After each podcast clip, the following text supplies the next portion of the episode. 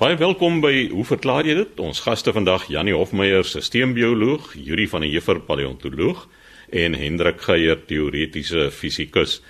Ons begin by jou Hendrik. Daar's 'n luisteraar wat wil weet hoe word die afstand tussen die aarde en die son gemeet? Ja, dankie Chris. Die luisteraar van wie jy praat is een van ons getroues, uh Chris mevrou Joey Strydom van Lindley wat ouer gewoonte per brief geskryf het en sy het eintlik twee vrae. Die eerste een is die een waarna jy pas verwys het. Sy sê hoe of waarmee word die afstande tussen byvoorbeeld die aarde en die son gemeet? En dan wil sy weet hoe het dit gebeur dat daar nou so baie planete ontdek word? Nou kom ons begin by die eerste een, Chris. Dis 'n storie wat min of meer soos 'n legkaart werk wat jy so stukkie vir stukkie aan mekaar las om eers uiteindelik by 'n antwoord uit te kom. Dis duidelik dat daar nie 'n direkte manier is om te meet hoe ver die son van die aarde af is of hoe ver enige ander planeet van die son af is of hoe ver twee planete direk van mekaar af verwyder is nie of hulle bane ten minste nie.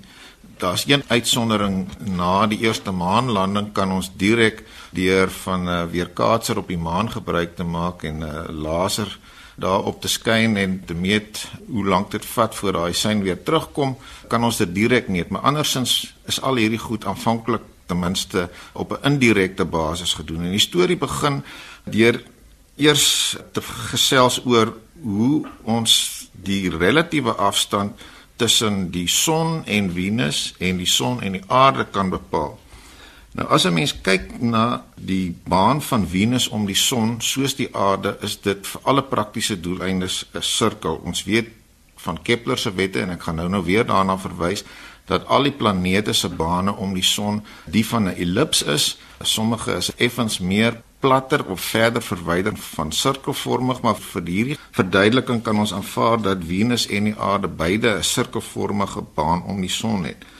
En natuurlik Venus is 'n bietjie nader aan die son as die aarde. So as 'n mens nou vir jou 'n voorstelling hiervan maak, 'n punt wat die son voorstel, 'n sirkel rondom daai punt wat Venus se baan voorstel en dan een punt buite daardie sirkel wat nou 'n posisie van die aarde op 'n gegeewe stadium voorstel, dan kan 'n mens 'n raaklyn van die aarde af na die baan van Venus toe trek. En as 'n mens nou na die situasie kyk, dan besef jy daai punt en ons weet 'n raaklyn aan 'n sirkel maak 'n 90 grade hoek met die radius van die sirkel. Dan beteken dit dat dit die afstand is waar ons vir Venus op sy verste van die son af gaan sien soos wat hy om die son beweeg. Nou deur noukeurig eenvoudig Venus se posisie waar te neem en te plot kan 'n mens daardie punt uiteindelik bepaal en met 'n bietjie eenvoudige driehoeksmeting waarvan sommige van die luisteraars waarskynlik nog skoolkennis het kan 'n mens agterkom dat die relatiewe afstand tussen of die verhouding tussen die afstand aarde son of son aarde en son Venus is eenvoudig die sinus van die hoek wat onderspan word wanneer jy nou van die aarde af eerstens in die rigting van die son kyk en tweedens na daardie punt waar Venus die verste weg verwyder is. Nou daardie hoek kan 'n mens natuurlik meet. Dit is omtrent 46 grade en dit beteken dat die verhouding tussen hierdie twee afstande is omtrent 72%. So die afstand van die son na Venus is omtrent 72% van die afstand tussen die son en die aarde. Nou hierdie inligting was al in die vroeë dae van die sterrekunde bekend ook op die stadium toe Kepler met sy noukeurige waarnemings drie wetmatighede kon formuleer oor hoe planete rondom die son beweeg. Ons weet een van hulle was juis waarna ek nou nou net verwys het, naamlik om te sê dat die bane van al die planete is ellipse met die son by een van die fokuspunte van hierdie ellips. En die derde wet het die periode wat dit neem vir enige planeet om om die son te wentel in verband gebring met die halwe hoofas van die ellips wat hierdie baan beskryf. So daar's 'n verband tussen die tyd wat dit vir 'n planeet neem om om die son te wentel en die aard van die baan. Nou wat natuurlik makliker is om direk waar te neem is hierdie omlooptyd. So op hierdie manier kan 'n mens ten minste in beginsel die relatiewe afstande van al die planete vasstel vanaf die son. As jy dus een absolute afstand het, kan jy al die ander op hierdie basis gaan bereken.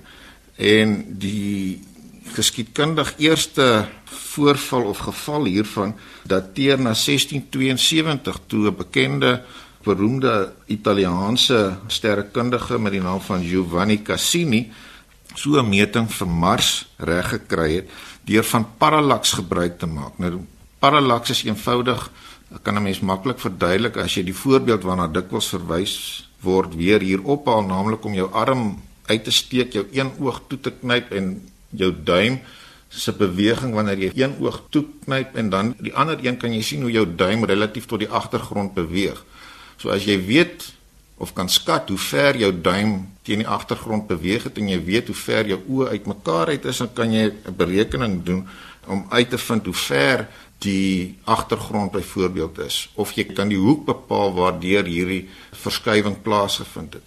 Nou wat Cassini gedoen het was om 'n kollega van hom met die naam van Jean Richer na 'n plek met die naam van Cayenne te stuur in 1672. Dit is op die Suid-Amerikaanse Weskus in Frans-Genië En op daardie stadium kon hulle dit al regkry om oorlosies te sinkroniseer. So hulle kon vooraf afspreek om op 'n gegeewe stadium Mars teen die agtergrond sterrebeelde waar te neem en op hierdie manier kon hulle die hoekverskywing van hulle onderskeie waarnemings met mekaar vergelyk. En verder was die afstand tussen Parys waar Cassini sy waarneming gedoen het en Cayenne redelik goed bekend en op hierdie manier kon hulle uiteindelik agterkom hoe ver Mars verwyder is van die aarde en uiteindelik dan met hierdie relatiewe berekeninge waarna ek pas verwys het uitvind hoe ver elkeen van die planete van die son af is. So dit is 'n lang groepering van waarnemings wat 'n mens dan uiteindelik by die eerste basiese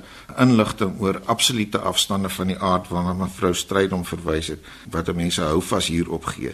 Terloops Cassini uh, is die persoon wie se naam ook gebruik is in die bekende NASA sending na Saturnus 'n sending wat al in 1997 in aanvang geneem het. Dit is 'n 7 jaar reis gewees Oorspronklik sou Cassini vir 'n paar jaar sy metings doen en dan sy doel gedien het, maar die jongste inligting is dat hy nog tot in 2017 gebruik sal word om waarnemings te doen. En terloops Cassini is ook die persoon wie se naam vir ewig is met verwysing na die bekendste van die donker ringe in die Saturnusringe. So daar is gapings tussen die sigbare ringe in Saturnus en die mees opvallende een van hulle staan ook bekend as die Cassini-verdeling. So op hierdie manier het Cassini sy naam in die sterrekunde vir ewig. Nou kortliks Chris net oor mevrou Strydom se vraag oor hoekom ons nou skielik so baie planete ontdek. Dis alles die resultaat daarvan dat ons deesdae al hoe fyner en noukeuriger kan meet. Hierdie sogenaamde eksoplanete wat eintlik maar net 'n afkorting is vir die Engelse extrasolar planets of planete buite ons sonnestelsel word erns sentraal terloops gedokumenteer. Daar is kriteria waar volgens 'n waarneming uiteindelik aanvaar word as 'n bevestigde waarneming en hier in die begin van Junie was daar reeds 3422 van hierdie planete wat waargeneem is. Nou mense kan hierdie goed kwaliek direk waarneem want so 'n planeet se liggewendheid vergeleke met die moederster is maar omtrent 'n miljoenste. So dit is feitelik onmoontlik om dit direk waar te neem en daar's twee hoofmetodes waar volgens dit indirek waargeneem kan word. Ek gaan kortliks net daarna verwys.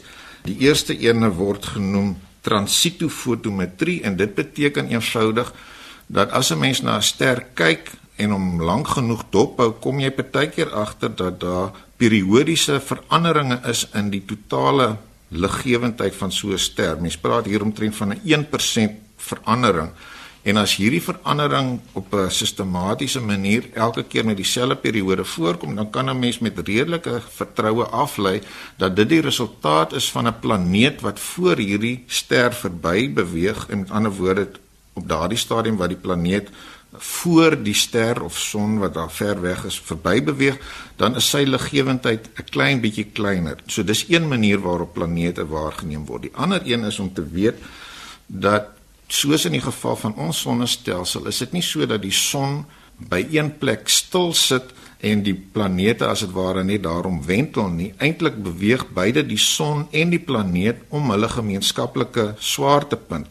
Nou die son is soveel meer massief as enige van ons planete dat daardie swaartepunt eintlik binne die radius van die son self is, maar nietemin beteken dit dat die son so effens 'n ruk en pluk beweging ondergaan. Nou, soos ons weet van klank, staan die bekende Doppler effek. Ons het al baie keer gepraat dat mense tradisioneel kan waarneem as jy na 'n trein se gefluit luister terwyl hy by jou verby beweeg en dieselfde beïnvloeding van frekwensie geld ook wanneer 'n liggewende bron of na die waarnemer of weg van die waarnemer af beweeg.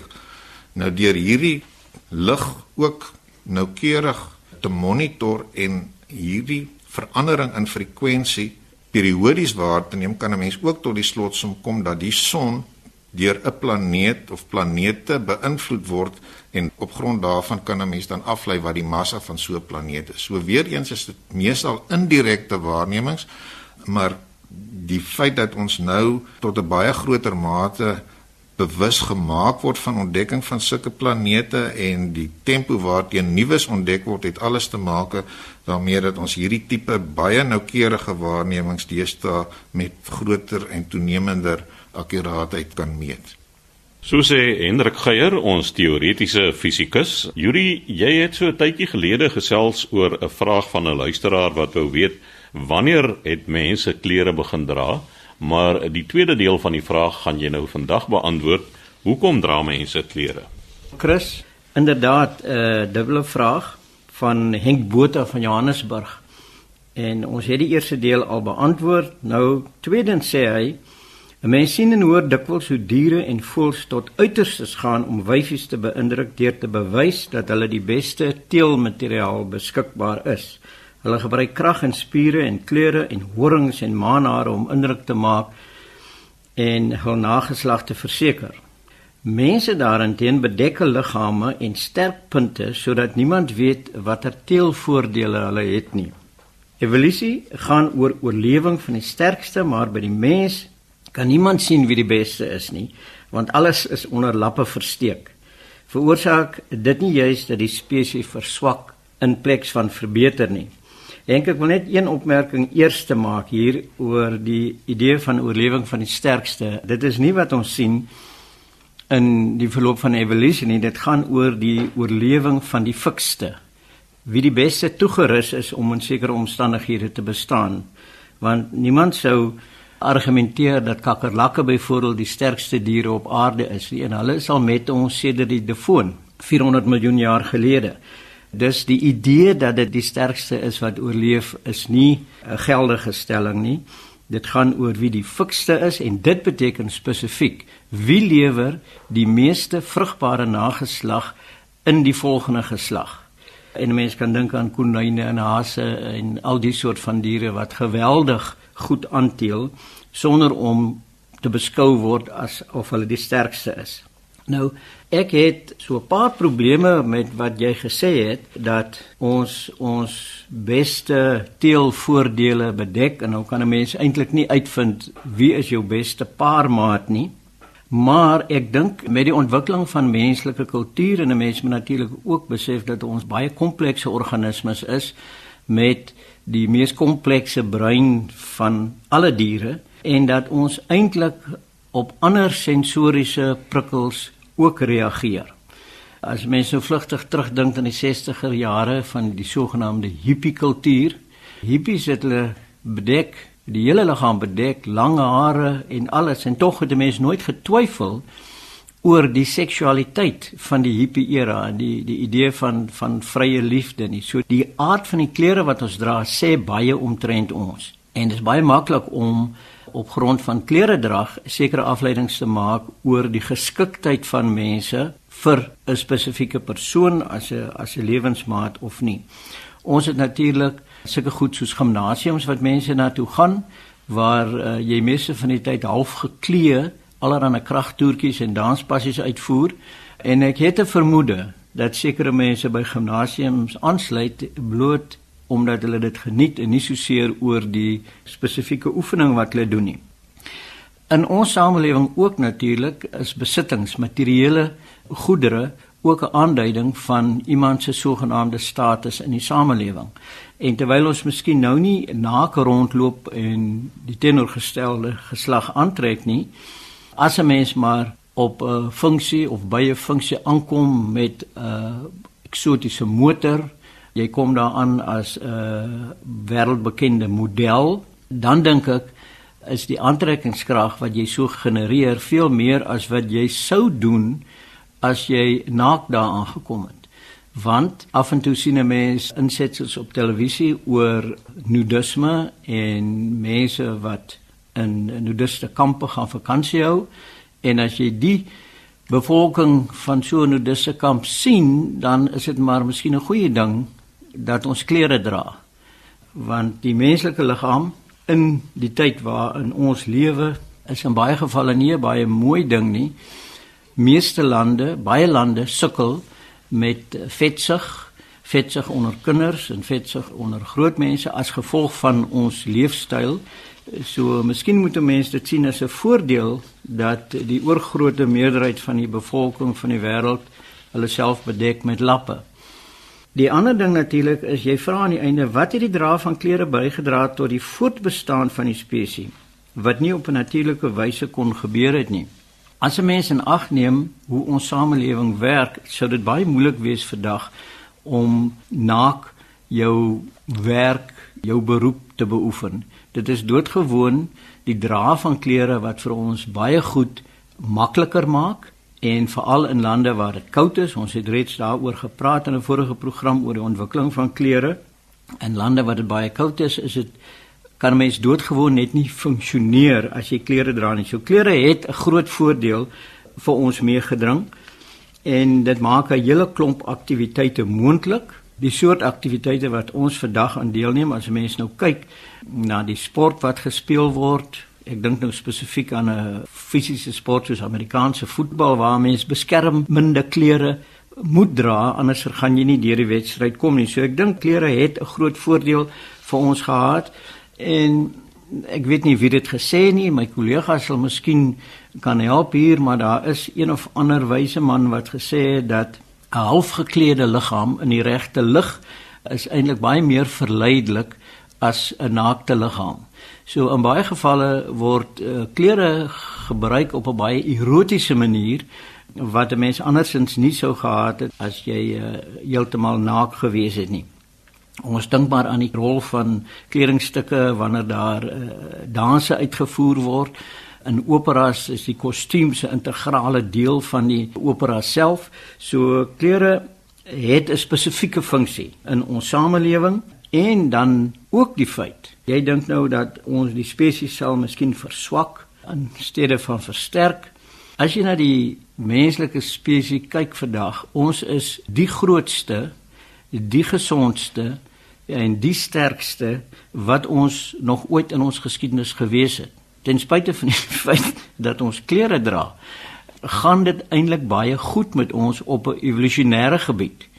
Mense sê morele verval en al die goed vind plaas, maar as mens bloot evolusionêr na die mens kyk, dan is ons so suksesvol dat ons al sekere dele van die planeet begin oorheers tot die nadeel van die planeet. So ek dink in die feit dat ons klere dra is besig om afbreek te doen aan ons voortbestaan of ons uh, evolusionêre sukses nie. Uh, miskien moet mense dit sien as 'n bydra tot ons evolusionêre sukses is dat ons soveel baat gevind het by die dra van klere.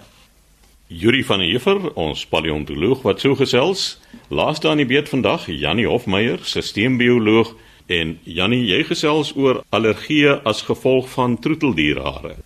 Ja, Chris, die vraag kom van Ivy van Riversdal. Sy sê sy is 'n troeteldierversorger of in Engels 'n groomer. En sy weet as ons ons poetse vat na die salon toe, dan is sy die persoon wat die bad en die sny van die honde en die katte hare doen. Want sy wil weet wat veroorsaak die simptome wat baie mense vir haar van vertel, dat die simptome van allergiese reaksie teenoor verskillende soorte hare, of dit nou kat of hondehare is die bekendste, maar ook perdehare het sy van gehoor. En sy wil self weet maar wat van hase dan, want sy sê daar in Riverdale is daar baie mooi hase wat in die tuine rondloop en sy is nou bekommerd dat selfs teen haashare mens dalk 'n allergie kan hê. So dankie Ivy. So miskien moet ons net eers praat oor wat 'n allergie eintlik is. So dit is 'n hypersensitiewe reaksie van ons immuunstelsel teenoor iets in die omgewing wat gewoonlik nie vir meeste mense 'n probleem veroorsaak nie. Maar ons ken almal die simptome van van allergie, veral hooikoors. Hier in die Kaap is dit 'n groot probleem as die as die seisoene verander, maar kosallergie, dermatitis, velreaksies teen verskillende net maar plante of so wat mense aanraak, asma, anafilaksis iets waaroor ek net so iets sal sê en wat 'n tipiese simptoom is natuurlik nou rooi oë en 'n veluitslag wat juk, loopneus, rinitis, asemtekorte, swelsels, dis alles simptome van hierdie soort van allergiese reaksie. En dit word veroorsaak deur verbindings wat in hierdie verskillende middels voorkom of, verskillende tipes van goed waarmee mense in aanraking kom, staan bekend as allergene of in Engels allergens.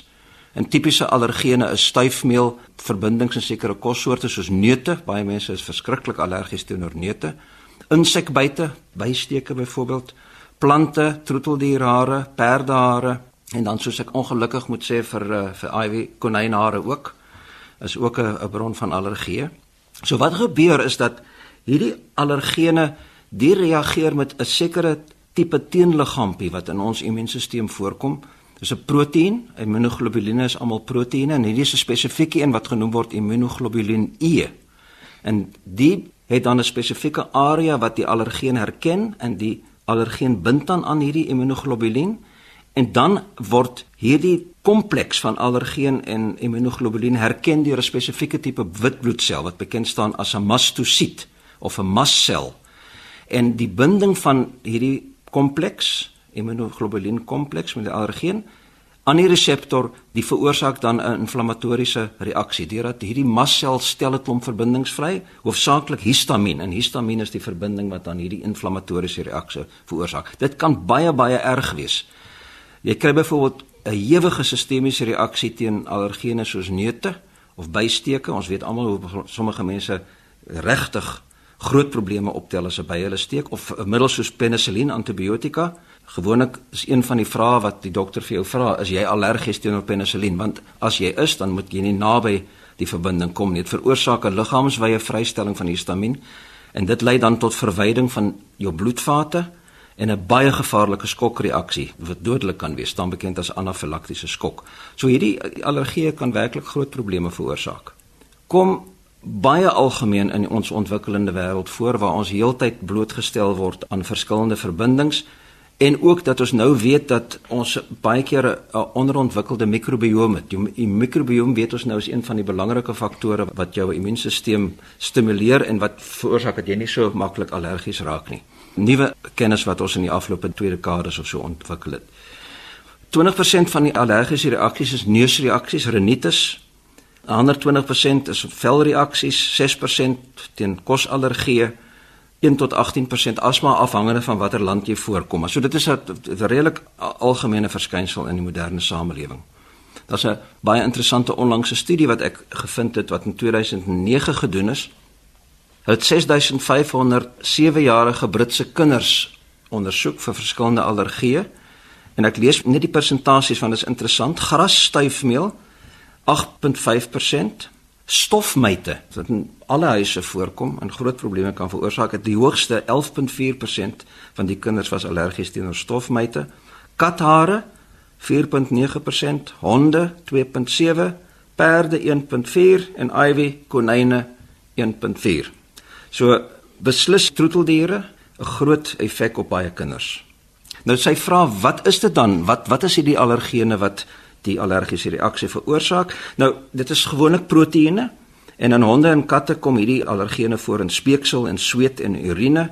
In katte byvoorbeeld weet ons dat daar 5 spesifieke proteïene is wat as allergene optree.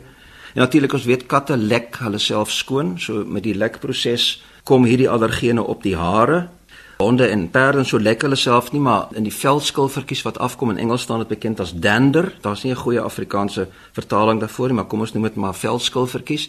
Die bevat dan ook die allergene, met ander woorde dit kom ook op die hare voor of dit word afgeskei en kom in die stof voor in jou huis. En dit is die verbindings wat op die ount die allergiese reaksie veroorsaak. So Ivy, ek hoop dit verduidelik hoekom al hierdie verskillende reaksies voorkom teenoor die troeteldierhare, troeteldiere waarmee jy werk en selfs dan ook in perde en in konyne. So sê Janie Hofmeyer, ons sisteembioloog, die tyd het ons ook weer ingehaal. Skryf gerus aan, hoe verklaar jy dit? Posbus 2551 Kaapstad 8000 of stuur 'n e-pos aan chris@rsg www.rsg.co.za.